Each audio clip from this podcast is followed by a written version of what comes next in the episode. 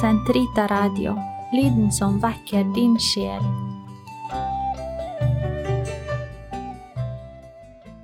Katolske kirkes katekisme, uke 30, fredag 2160 til 2173. Kort sagt Herre vår Herre, stort er ditt navn over den vide jord. Det annet bud befaler å ære Herrens navn. Herrens navn er hellig. Det annet bud forbyr å misbruke Guds navn. Guds bespottelse er å bruke Guds, Jesu Kristi, Jomfru Marias og helgenes navn på en krenkende måte. Mened er å ta Gud til vitne på en løgn. Å sverge falsk er en alvorlig forseelse mot Herren, Han som alltid er trofast i sine løfter. Sverg verken ved Skaperen eller ved skapningen, om det ikke er i sannhet av nødvendighet og med ærefrykt. I dåpen mottar den kristne sitt navn i kirken. Foreldre, faddere og sogneprest passer på å gi ham et kristent navn. En vernehelgen er et forbilde på kjærlighet og en sikker forbeder. En kristen begynner sine bønner og all sin gjerning med korsets tegn, i Faderens og Sønnens og Den hellige ånds navn. Amen. Gud kaller enhver ved navn. Tredje artikkel, det tredje bud. Kom hviledagen i hu, så du holder den hellig. Seks dager skal du arbeide og gjøre din gjerning, men den syvende dagen er sabbat for Herren din Gud. Da skal du ikke gjøre noe arbeid. Exodus 20, 8-10.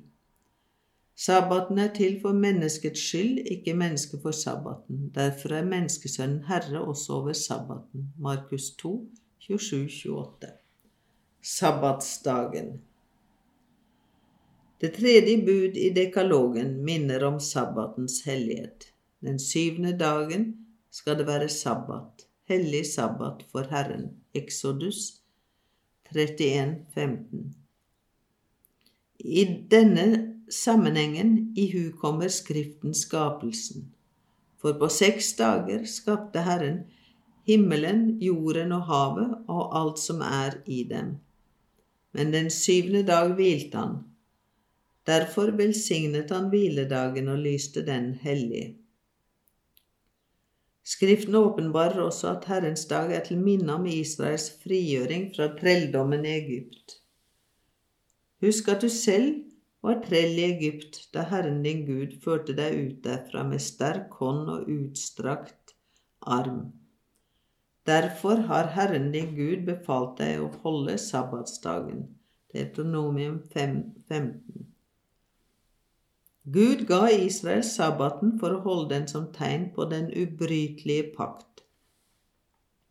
Sabbaten er for Herren helliget lovprisning av Gud, av Hans skaperverk og Hans frelsesgjerninger for Israel.